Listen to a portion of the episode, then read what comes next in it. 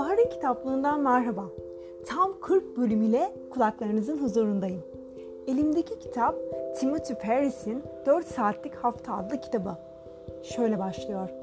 Az çalış, çok kazan ve iyi yaşa. Tabi bunun için uygulanması gerekenleri sıralamış. Kitabın mantığı ne patron ol ne de çalışan.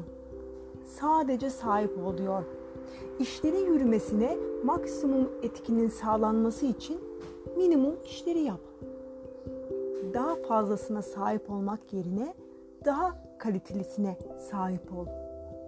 Girişte Timothy Ferris'in hayat hikayesi ve bu kitaba neden ihtiyaç duyduğunuzu nedenleriyle okuyucularına sunuyor. En komik tarafı hani böyle özgeçmişimizi yazarken iş deneyimlerimizde tarih ve aralıklar belirtiriz. Bu kitapta Timothy bunu 6 hafta erken doğmuşum diyerek doğum hikayesi bebeklik anıları ile birlikte patolojik bir seviyede anlatmış. Zaten başlığı da öyle. Sonrasında kitabı 4 bölüme ayırmış. Birinci bölümde tanımlamalar var. Hatta burada altını çizmişim. Hemen okuyorum. Bir soru sormuş. Mutluluğun tersi nedir diye. Mutluluğun tersi nedir? Üzüntü? Hayır. Sevgi ve nefret madalyonun iki yüzü ise mutluluk ve üzüntü de öyledir. Mutluluktan ağlamak gibi. Ancak sevginin tersi kayıtsızlıktır. Mutluluğun tersi ise işte tam düğüm noktası orası. Sıkıntıdır. Sıkıntılı bir süreçteysen mutlu değilsindir. Mutluluğun uygulamaya dayanan eş anlamlısı heyecandır. Tam olarak yakalayabilmek için heyecan duymalısın. Tutkunun ya da mutluluğun peşinden gitmelisin diyen insanların kastettikleri aynı şeydir. Heyecan. Hayat amacım içinde beni heyecanlandıran nedir? İkinci bölüm elime sanatı. Her işi bölümlere ayırmak ve devretme sanatını öğretiyor. Üçüncü bölüm otomasyon, ilham pirisini bulmak ve mobil yönetime geçiş süreci anlatılıyor. Burada çok önemli farklı bir bakış açısı var.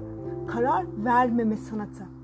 Bir önceki bölümde yöneticilerin tarzına değil, karar verme şekline göre iletişim kurulması gerektiğinden bahsederken şimdi bu kitap şöyle bir not düşmüş. Bakın diyor ki karar vermeme daha az seçenek eşittir daha çok gelir. Şirket yöneticileri iyi ya da kötü çok fazla karar aldıklarında işsiz kalırlar. Çünkü kararlar hep alınmış olur. Ne kadar çok seçenek sunarsanız o kadar kararsızlık artar. Ve aynı zamanda ne kadar çok iş dökümünü bir anda görmek isterseniz düzgün olmayan iş yükünü de arttırmış olursunuz. Karar sayısını en aza indirgemek gerekli. Bu bölüme oldukça fazla web adresi verilmiş. İlgi çekici diye not düştüğüm sayfalar arasında. Gelelim dördüncü bölüme. Özgürlük. Ama burada size okumanız gereken bir e-posta başlıklı adlı bir yazıyı seslendireceğim. Tüm yazılı olanlardan daha değerli ve bence onun için kitabın sonuna konulmuş. Sürpriz bölüme başlamadan önce Bahar'ın kitaplığı bu bölüm sona erdi. Bir sonraki bölümde buluşmak üzere. Şimdi arkanıza rahatça yaslanın, gözlerinizi kapatın ve bir şarkı düşünün. Şarkınız son bulmadan önce dileğiniz her neyse o olsun. Okumanız gereken bir e-posta. Meşgul bir insanı yaşamaktan çok daha meşgul eden hiçbir şey yoktur. Öğrenilmesi daha zor olan başka bir şey de yoktur, diyor Seneca. Geçen 33 yıl boyunca her sabah aynaya bakıp kendime sordum. Bugün yaşamımın son günü olsaydı bugün yapacağım şeyi yapmak ister miydim? Ve ne zaman yanıt peş peşe birkaç gün hayır olduysa bir şeyleri neredeyse her şeyi değiştirmem gerektiğini anladım. Tüm dışsal beklentileri, gururu, utanç veya başarısızlık korkusunu, tüm bunlar geriye yalnızca gerçekten önemli olan şeyleri bırakıp ölümün karşısında kayboluyorlar. öleceğinizi hatırlamak, kaybedecek bir şeyleriniz olduğunu düşünme tuzağından kaçmanın en iyi yoludur. Steve Jobs Stanford Üniversitesi diploma töreni konuşması 2005 Yaşam konusunda kafanız karıştıysa yalnız değilsiniz. Bizden neredeyse 7 milyar tane daha var. Yaşamın çözülmesi gereken bir sorun ya da kazanılması gereken bir yarış olmadığını anladığınızda bu sorun olmaktan çıkacak. Eğer kendinizi var olmayan bir yapbozun parçalarını birleştirmeye kaptırdıysanız gerçek bir eğlenceyi kaçırıyorsunuz. Başarı kovalamanın ağırlığı var olan tek kuralın ve sınırın kendimize koyduklarımız olduğunu anladığımızda yerini mucize hafifliğini bırakabilir. Öyleyse cesur olun ve insanların ne düşündüğü hakkında endişelenmeyin. Zaten onlar da bunu pek sık yapmıyor. İki yıl önce bir New York hastanesinde ölümcül hastalıkla savaşan bir kızdan bir e-posta aldım. O günden beri mektubun bir bölümünü tekrar tekrar okudum. Umarım siz de aynısını yaparsınız. İşte o mektup. Slow Dance. Hiç Atlı Karınca'daki çocukları izlediniz mi? Ya da yere düşen yağmur damlalarını dinlediniz mi? Bir kelebeğin kararsızca uçuşunu takip ettiniz mi?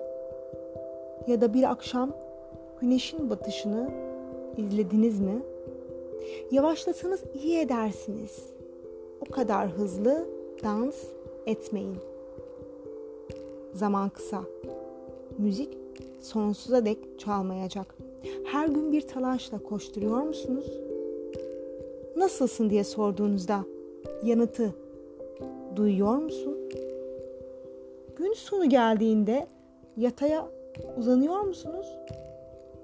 Kafanızda binlerce dolaşan soru ile, iş ile. Yavaşlasanız iyi edersiniz. O kadar hızlı dans etmeyin. Zaman kısa. Müzik sonsuza dek çalmayacak. Hiç çocuğunuza yarın yaparız dediniz mi? Ve kendi telaşınızdan onun yüzündeki burukluğu görmediniz mi? İletişimi her kopardığınızda iyi bir arkadaşla veda ettiniz mi? Hiç arayıp merhaba diyecek vakit bulamadığınız için.